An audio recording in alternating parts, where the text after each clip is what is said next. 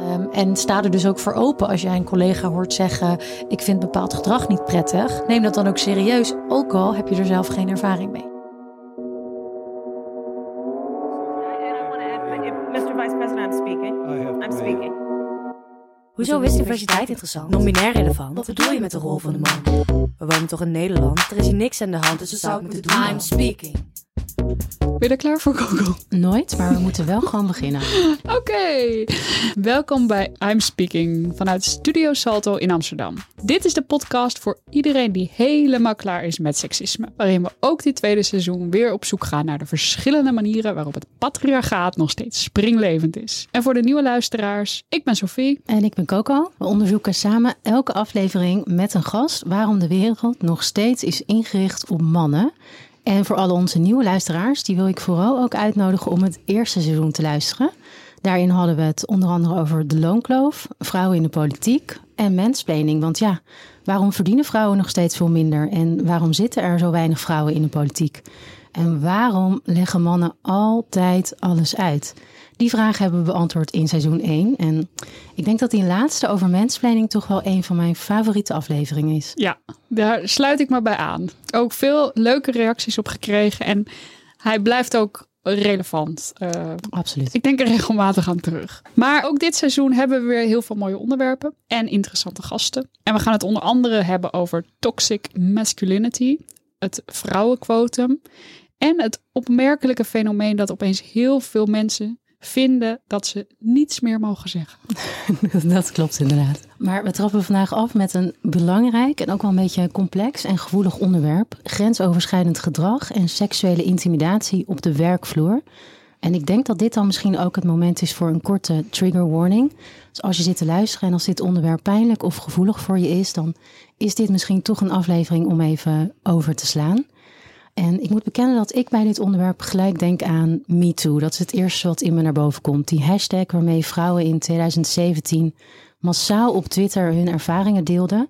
Om te laten zien dat ook zij te maken hadden gehad met seksuele intimidatie, misbruik, aanranding. En ik denk ook dat iedereen die grote rechtszaken nog wel voor de geest kan halen rond filmproducent Harvey Weinstein, maar ook acteur en comedian Bill Cosby. Daarover is overigens een, ook een heel mooie podcast gemaakt. Kan ik iedereen oh. aanraden. Ik zal een linkje in de show notes zetten. Ja. Maar allebei mannen die door grote aantallen vrouwen beschuldigd zijn van seksueel misbruik. En ja, ik denk dat die MeToo-beweging echt zichtbaar heeft gemaakt hoe wijdverbreid dit probleem is. Helemaal mee eens. En uh, ook in Nederland hebben we natuurlijk uh, meerdere MeToo-kwesties zijn ook steeds meer verontrustende geluiden dat een van de grootste werkgevers van het land, de overheid, uh, dat daar ook uh, veel intimidatie uh, voorkomt. En ook bijvoorbeeld in de Tweede Kamer recent de casus van Dion Graus, um, Kamerlid voor de PVV, die door zijn fractiemedewerker en tevens ex-vrouw wordt beschuldigd van seksueel geweld, ja. intimidatie en een heleboel nare dingen. En hij is niet de enige. Want cijfers uit een recent onderzoek van vakbond CNV laten zien dat 61% van de werkende vrouwen in Nederland op de werkvloer ooit te maken heeft of heeft gehad met seksueel getinte opmerkingen of sissen. En zo'n 30% heeft te maken gehad met aanranding of een andere fysieke vorm van intimidatie. Dus laat dat even bezinken. Zo'n 30% met een vorm van fysieke intimidatie op het werk. Ja, dat is waanzinnig. Ja, en een groot deel van deze vrouwen houdt zich stil. Ze weten niet naar wie ze toe moeten gaan. Ze schamen zich ervoor. Of ze zijn misschien bang dat het invloed heeft op hun werk of op hun uh, carrière mogelijkheden. Ja, nou, ik zei dat ook al in de voorbereiding op deze, op deze podcast. Ik word wel heel, heel stil van die cijfers, maar ook wel echt, echt heel boos. En er is duidelijk nog een lange weg te gaan. Maar vandaag gaan we een aantal zaken proberen te ontrafelen. Want wat is eigenlijk precies het verschil tussen grensoverschrijdend gedrag en seksuele intimidatie? Welke factoren dragen bij aan een onveilige werkomgeving? En welke rol speelt macht precies bij dit probleem? En we richten ons natuurlijk op de acties, want wat kunnen we zelf doen om dit probleem aan te pakken? Precies. En daarom gaan we over naar onze gast.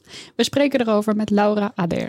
Laura is medeoprichter van Fairspace, een stichting die zich inzet voor het creëren van een veilige openbare ruimte. Of dat nu buiten op straat is, op school, in een club of op het werk. Welkom Laura. Hi. Ja, welkom. Fijn dat je er bent. Leuk om hier te zijn. Heel leuk dat je er bent. En kun je iets meer vertellen over de achtergrond? Verspace zet zich in voor een veilige, inclusieve ruimte. Ja, waarom zijn jullie die stichting gestart en wat doen jullie precies daaraan? Ja, we zijn eigenlijk um, ja, al lang geleden gestart, vijf en een half jaar geleden, vanuit eigen ervaringen die ik zelf en uh, Yves Aronson, mijn, uh, mijn compagnon, hadden met um, nou ja, grensoverschrijdend gedrag in de openbare ruimte. Het gevoel hebben dat die niet van jou is of minder van jou is, of dat jouw plek daar uh, minder gelijkwaardig is aan anderen. Maar wij wilden dat heel erg doen vanuit een manier, niet zozeer van hebben straffen en moeten boetes gaan uitdelen, moeten wetgeving aanpassen. Uh, we wilden juist heel erg wat doen aan um, die cultuur op straat veranderen. Dus uh, hoe gaan we op een andere manier met elkaar om? Hoe kunnen we daarover praten? Um, dus veel meer die, die preventieve weg en die transformerende weg naar, uh, naar verandering. Um, en gaandeweg merkten we dat bepaalde dynamieken die in het openbaar plaatsvinden, die vinden natuurlijk ook plaats bij het uitgaan, op de werkvloer. dat gevoel van net niet helemaal gelijkwaardig aan elkaar zijn. Dat grijze gebied van gebeurt hier nou iets echt fouts? Of vind ik ja. het nou vervelend. Mm -hmm. Maar die hele uh, ja, marge daartussen, uh, daar willen we echt wat, uh, wat aan doen. nou, zo is Verspace geboren en zijn we nu sinds 2017 onder die naam aan het werk. Mooi. En jullie doen verschillende dingen, begrijp ik. Klopt. Voor werkgevers, maar ook campagnes. Ja. Kun je daar wat meer over vertellen? Uh, nou, we hebben verschillende uh, projecten waarbij we echt heel uh, lokaal de openbare ruimte veiliger proberen te maken. Dus we hebben bijvoorbeeld zijn nu aan het afronden een project in Amsterdam. Waarbij we uh, zwarte vrouwen aan het woord hebben gelaten. En een onderzoek in hun omgeving hebben laten doen. Van wat maakt dat wij ons onveilig voelen. En wat hebben wij nodig om ons veiliger te voelen in Amsterdam. Omdat hun ervaringen natuurlijk weer anders zijn. Dan die van mij als witte vrouw in Amsterdam. Dus ik maak natuurlijk weer andere dingen mee dan zij. Uh, en om dat goed te kunnen aanpakken, moet je wel heel bewust zijn van uh, wat zijn die verschillende ervaringen die iedereen heeft in de openbare ruimte. Uh, we doen dat ook nu momenteel in een project met uh, mensen met een vluchtelingenachtergrond. Van hoe kunnen we AZC's veiliger maken. maar we geven ook advies aan werkgevers. Werkgevers kunnen ons inhuren omdat er bijvoorbeeld op hun werkvloer wat speelt. Of omdat ze het gevoel hebben van nou, ik wil zorgen dat mijn werkvloer veilig is. En dan gaan we echt met advies en begeleiding en training voor medewerkers personeel uh, aan de slag in het ja, creëren van een soort nieuwe gedeelde norm op die werkvloer. Mooi. Uh, we zijn al even over de introductie. We gaan het hebben over grensoverschrijdend gedrag en seksuele intimidatie. Ik heb het idee dat die termen vaak een beetje door elkaar worden gebruikt. Is daar een, een duidelijk onderscheid te maken? Welk, welk spectrum van gedrag hoort hier allemaal bij? Um, ja, die termen worden inderdaad uh, door elkaar gebruikt. En um, seksuele intimidatie is een vorm van grensoverschrijdend gedrag. Grensoverschrijdend gedrag kan natuurlijk ook de vorm hebben van homofobie, racisme, uh, validisme, leeftijdsdiscriminatie. Uh, en bij seksuele intimidatie moet je echt denken aan, uh, nou ja, wat jij net ook al noemde, Sofie, in dat onderzoek van CNV. Um, seksueel getinte opmerkingen, seksueel getinte grapjes, maar ook um, de scheidslijn tussen werk en privé laten vervagen. Mm -hmm. um, ongewenste vragen naar je seksleven, naar je privéleven. Uh, nou, en dat is dan, dat klinkt dan nog allemaal best onschuldig, maar het kan dus ook gaan om fysieke aanrakingen, uh, aanranding of soms zelfs verkrachting. Dus het is een heel, uh, ja, echt een heel breed ja. spectrum ja. dat erbij hoort. Precies. Ja, oké. Okay. En we zeiden al in de intro inderdaad, dat het onderzoek van CNV blijkt dat heel veel voorkomt. Maar zoals je zegt, ja, uh, weet je, het kan ook best wel onschuldig gedrag zijn. Soms herkennen mensen het denk ik niet eens misschien als iets dat seksuele intimidatie uh, genoemd wordt. Dus kun je daar wat meer over vertellen? Hoe vaak komt dat, komt het voor? Ook echt, ja, misschien van kleine onschuldige dingen tot erger. En hoe vaak maken mensen daar ook melding van? En wat gebeurt daar dan vervolgens ook mee? Ja, nou jij noemde natuurlijk net uh, de cijfers van CNV al, die ik ja. hier ook, uh, ook voor me heb. Dus dat, dat, wat we, waarvan we denken, de wat meer onschuldigere vormen van uh, seksueel grensoverschrijdend gedrag. Nou, daar heeft 60% van de werkende vrouwen mee te maken. Dus ja. omgerekend 2 miljoen vrouwen, werkende vrouwen in Nederland. Um, en ongeveer 30% van de werkende vrouwen heeft echt te maken met fysiek, fysieke aanranding of verkrachting. Ja. Um, uit het onderzoek bleek ook dat zo'n 25% van de ondervraagde mensen niet wist, dus een kwart van de mensen wist niet waar ze terecht kan uh, als ze een melding wil maken van dit gedrag. Dus dat is best wel een hoog uh, cijfer. En um, ehm, 41% van de ondervraagde vrouwen gaat niet naar een vertrouwenspersoon. Um, dus ja, er zitten echt nog wel wat, wat gaten, wat lacunes die um, ja, opgevuld kunnen worden als werkgevers daar een soort beter beleid op gaan, uh, op gaan voeren. Ja, en hoe, hoe komt dat denk je? Want je zegt dus oké, okay, 41% gaat niet naar een vertrouwenspersoon. Is dat omdat ze die niet hebben of ze weten niet dat het kan? Of speelt er ook dingen mee als schaamte of schuldgevoelens? Ja, ik denk eigenlijk al die dingen die je noemt. Um, de Arbowet in Nederland schrijft voor dat een werkgever verantwoordelijk is voor het veilig houden van de werkvloer. Mm -hmm. uh, maar schrijft daarbij niet voor hoe je dat moet doen. Dus dat is eigenlijk helemaal vrij aan de werkgever om dat uh, in te vullen. Dus een vertrouwenspersoon is niet verplicht. En daarom heeft dus ook niet elk bedrijf of elke organisatie een vertrouwenspersoon. Uh, dus dat is één ding, ze, ze zijn er niet. Uh, twee is, uh, mensen weten niet dat ze er zijn. Kijk, soms heb je natuurlijk wel eens op een. Als je zeker in een groot, uh, groot bedrijf werkt, is er misschien op je intranet ergens een kopje of een link of een telefoonnummer. Um, ja, als dat gewoon niet heel handig um, te vinden is of niet makkelijk te vinden is, dan creëer je alweer een barrière voor iemand om haar verhaal te delen of naar een vertrouwenspersoon te gaan. Um, en ik denk ook wel, ja, uh, distrust, hoe zeg je dat in het Nederlands? Het niet, niet vertrouwen in hebben dat uh, je verhaal delen gaat leiden tot mm -hmm. verbetering van een situatie. Ja, dus, dus eigenlijk de, de angst dat, dat als je je hierover uitspreekt, of als je daar melding van maakt, dat er aan jou allemaal vragen gesteld zullen worden en vraagtekens bij jouw verhaal dat worden ook. gezet. Ja, dat zien we ook gebeuren. Wij waarschuwen ook altijd werkgevers ervoor dat ze heel erg um, goed moeten nadenken over taalgebruik wanneer iemand komt met een melding. Uh, dus dat je niet gaat vragen, um, hè, stel iemand komt met een melding dat zij op een borrel uh, betast is door een mannelijke collega, dat je niet vraagt, oké, okay, waren jullie dan alleen? Of uh, had je een drankje op? Of um, ja, heb je misschien niet gezegd wat aanleiding kon geven tot uh, dit gedrag? Dus eigenlijk leg je dan door je vraagstelling al de schuld bij degene die het is overkomen. Mm -hmm. um, nou ja, en om, om, dat te, ja, om dat niet te willen meemaken, kunnen vrouwen ervoor kiezen om het niet te melden, uh, het niet willen herbeleven. Uh, nou ja, gevolgen eventueel natuurlijk voor je carrière of uh, voor je, je positie binnen dat bedrijf. En zoals ik net al zei, er geen vertrouwen in hebben dat dat wat oplost. En zeker als je natuurlijk in een bedrijf werkt waar dit heel veel voorkomt, waar dit, waar dit een soort norm lijkt te zijn, of waar een hoge tolerantie is voor grensoverschrijdend gedrag. Ja. Ja, als je dan je verhaal deelt, ben je, ja, heb je niet meteen ineens een andere uh, ja, een, een, probleem opgelost. Ja, en nog, en nog even inzoomend hè, op, gedrag. Jij noemde net ook al even dat het belangrijk is welke woorden je gebruikt. Ja. Uh, in de vragen die je stelt als iemand uh, bij je komt. Het viel mij ook op dat ik jou eerder hoorde zeggen... de, de wat meer onschuldige vormen van grensoverschrijdend gedrag. En enerzijds begrijp ik dat in de context van uh, echt, echt seksueel uh, geweld... En aan de andere kant denk ik, als het iemand anders grenzen overgaat, is er sowieso niets uh, onschuldigs aan. Ja. En ik, ik heb het idee dat dat een groot onderdeel is van deze discussie, toch? Jij noemde ook al even dat, dat grijze gebied. Dus ja. wanneer is het nog flirten? Um, wanneer is het een grapje? Uh, kun je daar wat meer op ingaan? Uh, ja, waar liggen die grenzen? Of hoe kun je met elkaar in een werkomgeving daar duidelijkheid over creëren. Hoe je, hoe je dat duidelijk krijgt, wat die grenzen zijn. Ja, nee, dat is goed dat je dat zegt inderdaad. Want ik noemde dat inderdaad onschuldige vormen. Niet omdat wij denken dat ze onschuldig zijn. Nee. Maar omdat je natuurlijk heel vaak daar dan de reactie op krijgt van het is toch maar een grapje. Mm -hmm. En uh, het is geen aanranding of zo. Of ik heb je niet aangeraakt. Heb je een voorbeeld ervan? Wat... Um, nou, bijvoorbeeld um, uh, iemand kwam een tijdje geleden bij ons en die moest veel met een klant uh, werken en bellen. Nou ja, door corona doe je dat allemaal thuis, doe je dat allemaal digitaal en telefonisch. En die klant begon steeds vaker um, aan het eind van de middag te bellen, zodat hij dan daarna over kon op een privégesprek. Ja. En uh, allerlei privévragen ging stellen. En nou ja, dat werd steeds ongemakkelijker. Maar ja, hoe He, je hebt iemand gewoon aan de telefoon, er is geen fysiek contact. Hoe kun je duidelijk maken aan die persoon dat je daar niet van gediend bent, zonder mm -hmm. dat er misschien wordt gezegd, nou, uh, doe je toch niks. Um, dus daarom noemde ik dat ook net als een vorm van grensoverschrijdend ja. gedrag, dat vervagen van uh, privé en, uh, en werk. En je ziet dat ook in de coronatijd. Hè. Mensen dachten misschien van, nou, we zitten allemaal niet meer met elkaar op kantoor, dus het zal wel bijna niet meer voorkomen. Mm -hmm. Nee, digitaal gaat dat soort gedrag en die, die machtsverhoudingen gaan gewoon verder. Ja. Um, nou, en nu noemde ik al meteen machtsverhouding. En dat is eigenlijk ja. ook um, mijn antwoord op jouw vraag, Coco. Van hè, wat zit er nou precies achter dat, hè, in die, die gevallen van dat grijze gebied en dat zogenaamd onschuldige gedrag? Um, wij bij Verspace zeggen altijd.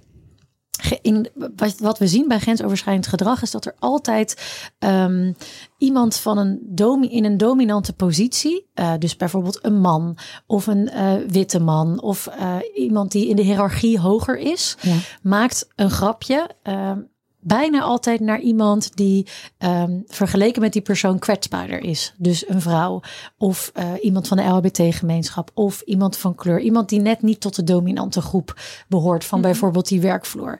En heel vaak gebeurt dat onbewust. Hè? Dus we zeggen niet van uh, iedereen die zo'n grapje maakt is meteen uh, bewust een seksist of een racist. Maar je ziet heel vaak dat die grappen komen altijd, gaan altijd ten koste van mensen die een kwetsbaardere positie hebben. En daarom zeggen ja. we ook altijd, ja je zegt nu wel het is maar een grapje, maar kun je dat grapje ook over jezelf maken?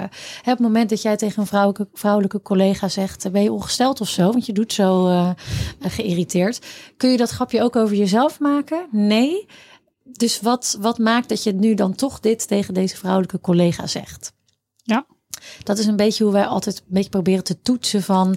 is het echt alleen maar een leuk grapje die je uh, bij iedereen kunt maken? Uh, ook mensen die zijn zoals jij of iemand met wie jij heel goed uh, bent op de werkvloer. Iemand met wie je heel uh, goed kunt samenwerken. Of zit er in je grapje misschien toch iets um, ja, neerbuigends of, iemand op de plek willen zetten. Ja. Speelt hierin dan? Oh, sorry. Ja, ik heb hier vragen over, omdat ik heb dit soort gesprekken ook wel gehad. En dan zie ik ook vaak mannen juist die tot die dominante groepen horen en juist in die machtsposities zitten, die dan zeggen van ja, natuurlijk, ja, met mijn uh, beste uh, collega's en met mijn vrienden maak ik de hele dag dit soort grappen.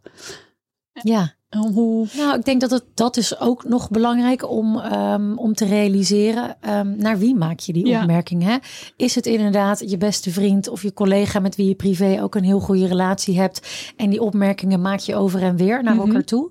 Of um, maak je nu net een flauw grapje uh, tegen de stagiair die, nou ja, ik, ik, ik zeg maar wat, uh, iets, iets niet lukt. Ja. En uh, heb, maak je diegene weer even bewust van je bent maar de stagiair. Ja. Bij wijze van spreken. Ja. Dus um, ja, realiseer je naar wie maak je die opmerking en wat, wat, wat zeg je nou eigenlijk echt? Maar zou toch ook niet in een werkomgeving, en ik denk natuurlijk niet dat je dat er heel veel verschil zit in waar je werkt en wat voor organisatie het is, maar toch een soort professionele norm moeten gelden. Ja. Want ik kan me voorstellen dat nou ja, we hebben volgens mij tegenwoordig heel veel flexplekken en uh, open offices of kantoortuinen.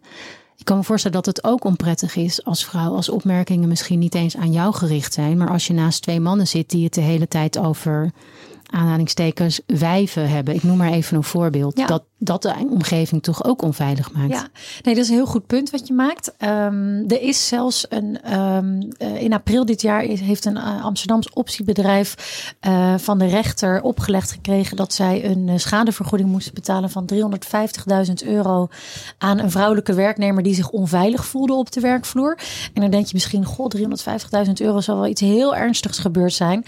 Nou, het was wel ernstig, maar het was niet gebaseerd op lichamelijke uh, grensoverschrijdend gedrag, maar uh, uitnodigingen om met haar collega's mee te gaan naar stripclubs, um, seksistische ja. muziek, wat uh, sorry, de hele tijd werd afgespeeld op die werkvloer. Wat maakte dat voor haar die werkvloer onveilig was en de rechter oordeelde dat haar werkgever niet genoeg had gedaan om voor haar die werkvloer veilig te houden. Ja. Hier heb ik ook een column over geschreven. Die zullen we ook even delen in de, Kijk, in de show notes. Ja. Dus ja, wat je zegt is ook een goed idee. En dat, dat adviseren wij ook altijd aan werkgevers met wie wij werken. Van, um, in, in, in het werk wat wij doen met hen en in de trainingen die wij doen, gaan we het ook niet eens hebben over wat allemaal fout is gegaan of wat je allemaal fout doet. Maar um, hoe zetten we met elkaar een nieuwe norm neer waar we ons allemaal prettig bij voelen? En als je dan um even verder kijkt, die nieuwe norm die je probeert neer te zetten. Want we hebben het natuurlijk nu wel steeds sterk over een tegenstelling. Over vrouwen die worden lastiggevallen. En eigenlijk mannen die, die de bad guy zijn en zorgen voor die onveilige omgeving. Maar, maar hoe is dat voor mannen? Zijn er ook uh, cijfers over mannen die worden lastiggevallen of zich niet veilig voelen? Zijn die situaties ook wel eens om, omgedraaid? Um, nou, uit het onderzoek van CNV uh, bleek dat 18% van de mannen te maken had met seksueel getinte opmerkingen en, en grensoverschrijdend gedrag. Dus het gebeurt ook naar mannen, uh, maar natuurlijk wel veel minder. Ja. Uh, wat wij wel merken uit het werk wat we doen met werkgevers is dat er bijvoorbeeld ook mannen kunnen zijn. Je ziet dat dat ook wel met generaties verschilt, maar dat ook mannen wel eens zeggen van nou, er wordt op mijn werk best wel veel um, taalgebruik gebruikt wat ik racistisch vind. En daar voel ik me niet prettig bij. Dus je ziet ook wel steeds meer dat er mannen zijn die ook aangeven van nou, dit, dit vind ik niet meer kunnen. Of dit is niet meer van deze tijd. Of ik vind het niet oké dat mijn collega's zo aangesproken worden. Dus ik denk dat er wel wat begint te schuiven. Je ziet ook wel met zeker jongere generaties, die willen niet alleen maar weer meer werken voor een salaris, maar die willen ook ergens werken waar ze voldoening halen uit het werk wat ze doen. En omdat ze met dat werk uh, een bijdrage leveren aan de maatschappij. Ja. En veronderstelt zo'n zo'n nieuwe norm op de werkvloer dan ook meer gedeelde verantwoordelijkheid? Want uh, je uitspreken als je in een onprettige situatie bent, legt natuurlijk wel een verantwoordelijkheid bij, nou, meestal dan een vrouw om je grens aan te geven of om kenbaar te maken dat je iemand over jouw grenzen is gegaan. Eh, moet dat verschuiven in die nieuwe norm? Dus dat je met elkaar verantwoordelijk bent voor een een veilige werkomgeving voor iedereen. Ja, nee, dat moet zeker verschuiven. En uh, daarom geven wij ook uh, wat we noemen bystander intervention workshops. Uh, dus we, we trainen personeel van bedrijven echt in hoe kunnen we nou ons uitspreken over grensoverschrijdend gedrag dat we zien gebeuren.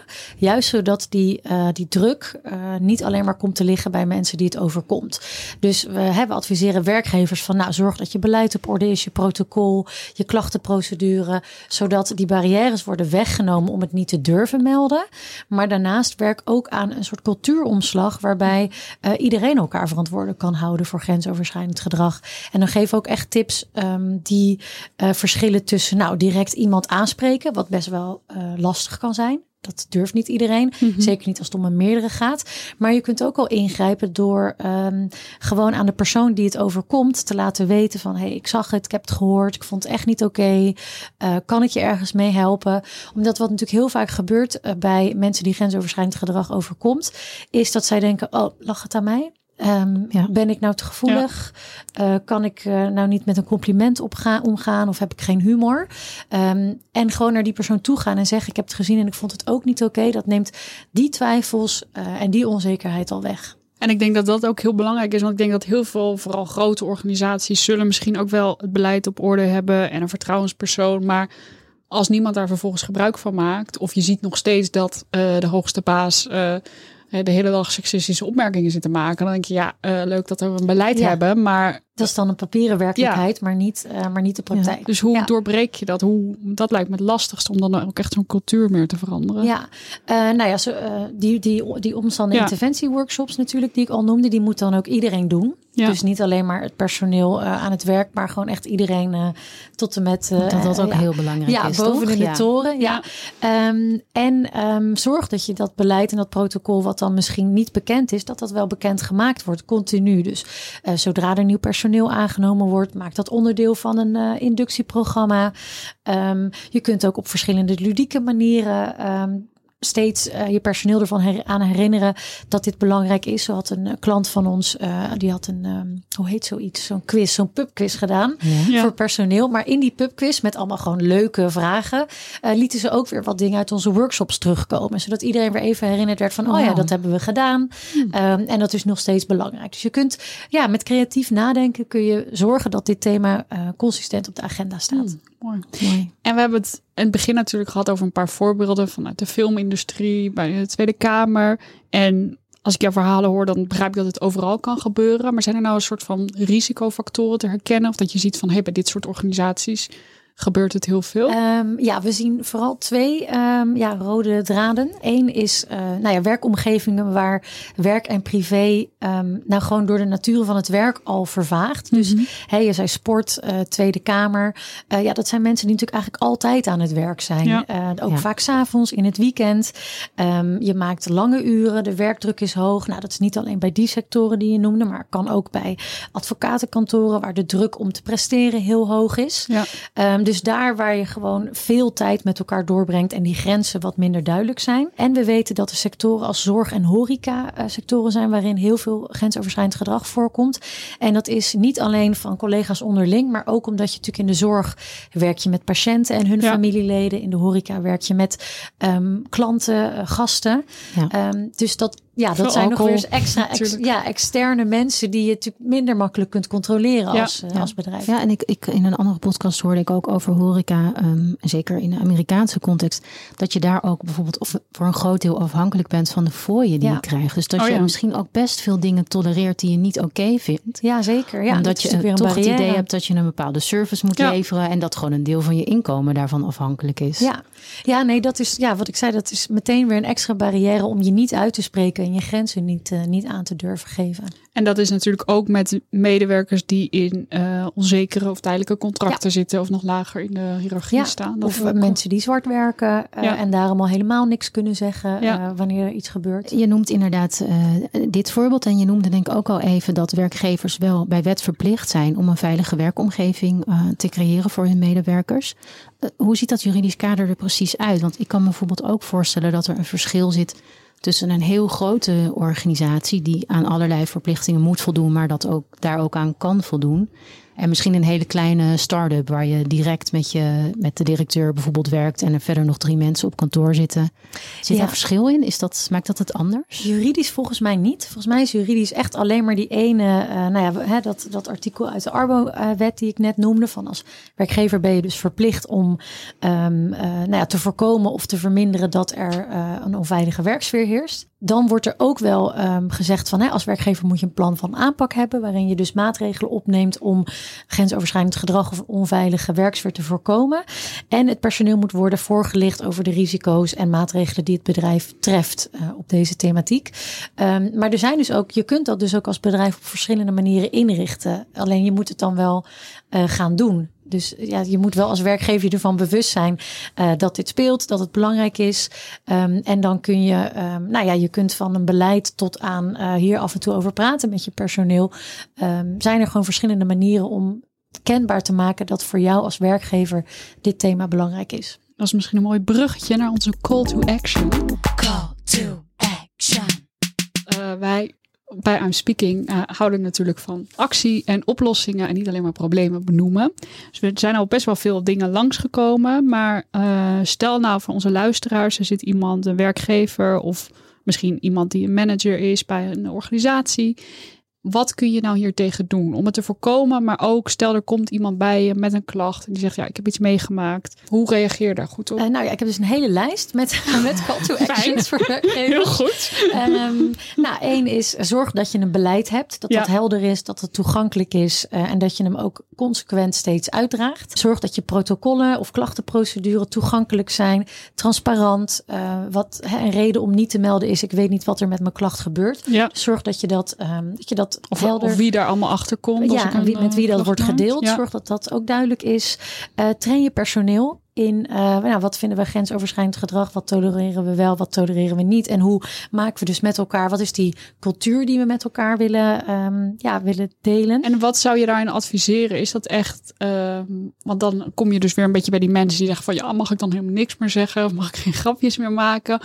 Is het dan het idee dat je een soort lijst hebt van dit is gedrag wat wel mag of wat niet mag? Of complimenten eh, over je uiterlijk mag niet? Of moet dat meer in een soort van gespreksvorm gaan van Nou, wat wij meestal doen is, ehm, we hebben een lijst van eh, wat is grensoverschrijdend gedrag, maar dat Ja. is dan zonder het daadwerkelijke, de vorm van het gedrag. Dus hè, seksisme, racisme, homofobie, transfobie, et Ja. cetera. Maar dan gaan we in gesprek over waar liggen die grenzen dan. Ja. En we doen ook altijd een oefening waarbij dan duidelijk wordt dat iedereen, elke collega net weer een andere ervaring heeft. Dus ehm, als jij eh, een man bent, ja, dan weet je misschien niet dat er seksisme op de werkvloer Mhm. eh, speelt. Ja. Of eh, seksuele intimidatie. Nou, via die oefening maken we dus kenbaar aan iedereen van jouw ervaring is niet de norm.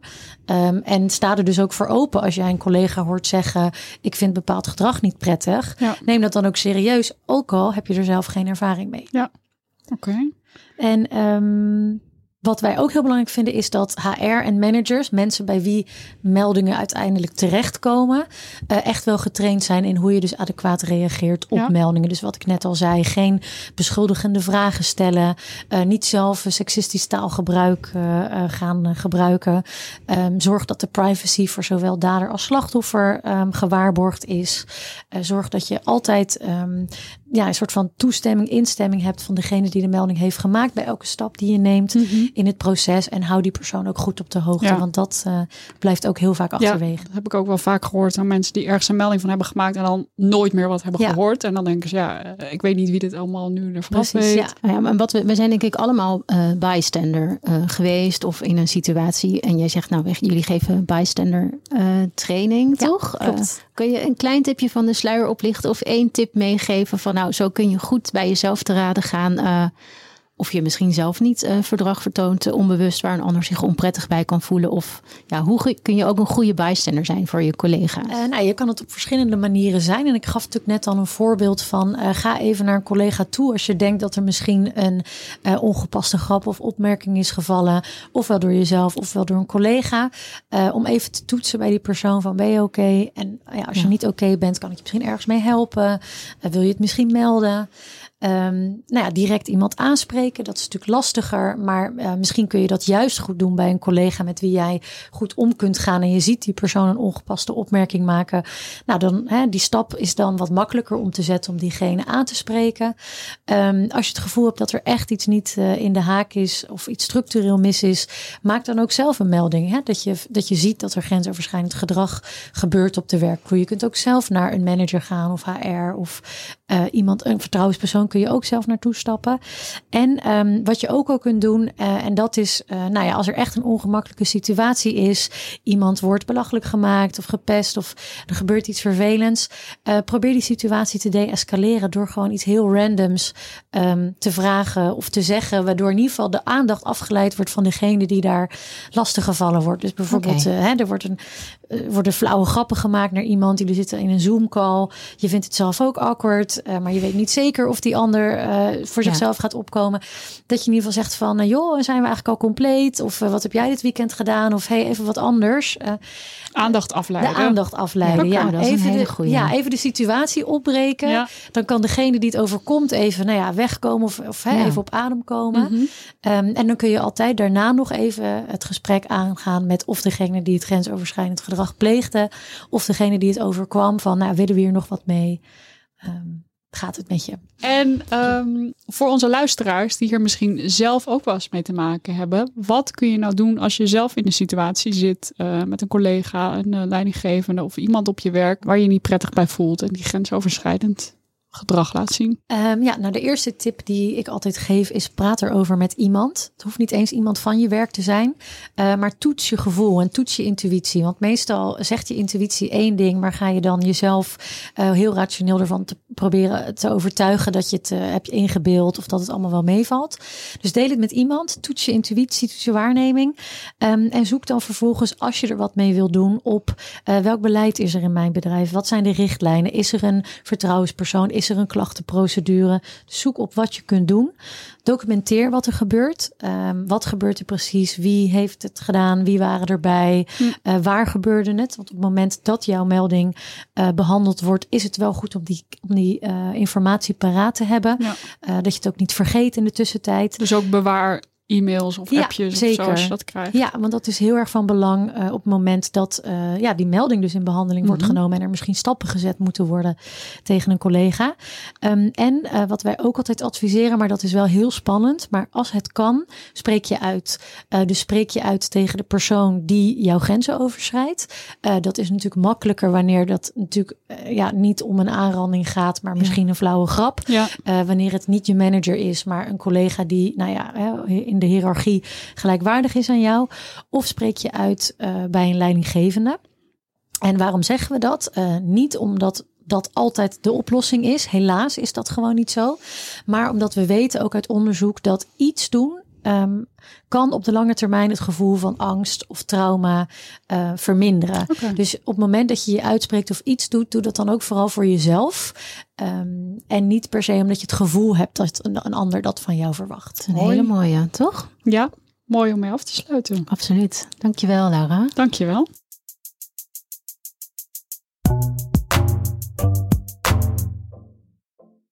Nou, dat was weer ehm, een heel interessant gesprek, vond ik. Ik had nog wel een tijdje door kunnen praten met Laura. Nou, precies dat. Mijn, mijn hoofd tolt helemaal een beetje. En ik had nog wel honderd vragen kunnen, kunnen stellen hierover. welke? Nou ja, ja dat het zo'n zo'n machtskwestie is, toch wel. En Mhm. ik dacht ook van, volgens mij is het toch ook een beetje een vrouwending... dat als je iets overkomt, dat je instinct zegt van... wacht, dit is helemaal niet oké, hier voel ik me echt niet goed bij. En dan vervolgens toch aan jezelf gaan twijfelen van ja... Ehm, is dit nou echt een issue? Moet ik hier nou een melding van maken? Stel ik me misschien aan? Moet ik, maak ik het groter dan het is? Daar Mhm. moeten we denk ik echt vanaf. Ja, maar en dat komt volgens mij ook voort uit die, uit die machtsverschillen, toch? Dat je denkt van, ja, maar ik ben nog maar jong of ik sta onder in de hiërarchie en hoe moet ik dat dan doen en bla bla bla. Nou, precies dat. En ik denk daarom dat het hele principe van de, de active bystander. Ik heb Ja. ooit eens lang geleden zo'n training gedaan, een active bystander training. Dat dat heel belangrijk is. Dus dat je ook denkt van. Ook al is het niet naar jou, jou gericht of gaat het niet om jou, maar zie je iets gebeuren, Ja, dat je dan ook gerust daar iets van kunt zeggen. Want Zeker. je bent wel onderdeel van die werkvloer. ja, en dat je er eigenlijk ook wel die plicht hebt. Zo had ik ooit een keer een verhaal, hoorde ik van eh, iemand die zat in een vergadering met eh 15 eh, mannen, zij als enige vrouw. En toen bij het voorstelrondje werd een hele ongemakkelijke opmerking tegen haar gemaakt. Eh, zij stelde zich voor als expert op het gebied van retail en consumer goods. Ja. En toen eh, zei een van die mannen van, eh, ja, maar als vrouwen dat zeggen, weet je nooit of het echt waar is. Of dat ze gewoon van shoppen houden. Dat meen je niet. En iedereen was stil. En ze zat er dus ook met een paar collega's. Maar wat zij toen heeft gedaan, wat ik ook een hele goede reactie vond, was zeggen, eh, sorry, wat zei je? Oh, echt? Oh, wat goed. Dus als je niet weet wat je moet zeggen als zoiets je overkomt, kun je dat altijd doen. Gewoon de vraag terugstellen, doen alsof je het niet hebt verstaan. En toen zeg ik weer terugleggen, want daardoor voelde die man zich weer heel ongemakkelijk. En dacht zij, hahaha. Goed, laat het maar eventjes heel awkward zijn. Precies. Goeie aanpak. Ja, nou en eh, de kop is eraf. Seizoen 2 is officieel van start. Dus ben je fan van onze podcast? Abonneer je dan in je favoriete podcast-app. Laat een recensie achter en wat sterretjes. En vertel het aan je vrienden, familie, buurman, pizzabezorger of die leuke Tinder match. Yes, gewoon iedereen vertellen. Wat eh, kijk je mij eh, Moet je daar wat over aan, vertellen? Nou, misschien als de, de opname is gestopt. Ah. We zijn natuurlijk ook altijd beschikbaar voor vragen, goede ideeën en verzoeken. Je kunt ons altijd een mailtje sturen naar hello at imspeaking.nl. Yes, en de productie was zoals altijd in handen van Maud Hekman. Dankjewel. En ook veel dank aan Studio Salto in Amsterdam. Tot de volgende keer. Ciao.